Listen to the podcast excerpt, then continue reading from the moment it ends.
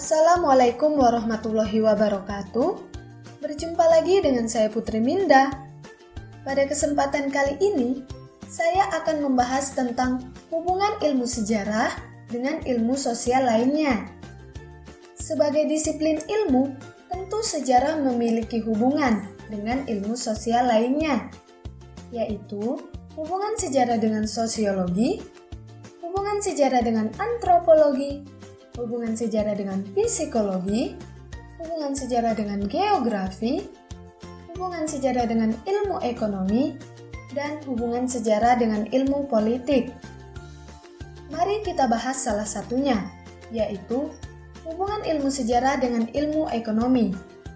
Hubungan ilmu sejarah dengan ilmu ekonomi dapat kita lihat dari perkembangan sejarah ekonomi yang dalam berbagai aspek semakin menonjol terutama setelah proses modernisasi, di mana hampir setiap bangsa lebih memfokuskan pembangunan ekonomi. Berbicara mengenai ekonomi, sudah tidak asing lagi bagi kita dalam kehidupan sehari-hari. Ekonomi adalah salah satu kebutuhan dasar manusia untuk memenuhi kebutuhan hidupnya. Ekonomi adalah ilmu sosial yang meneliti bagaimana manusia memuaskan kebutuhan akan keinginan materialnya, sambil memperhatikan sarana-sarana yang dapat mereka pergunakan. Di sinilah ilmu sejarah berperan dalam perkembangannya. Kita dapat mengembangkan pertumbuhan ekonomi suatu bangsa melalui penelitian sejarah.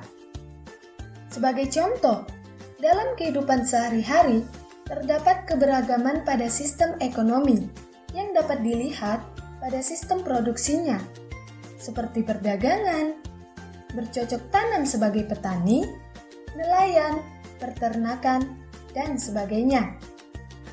Begitu pula keberagaman ini dapat dilihat pada sistem tukar-menukar atau sistem jual-beli barang.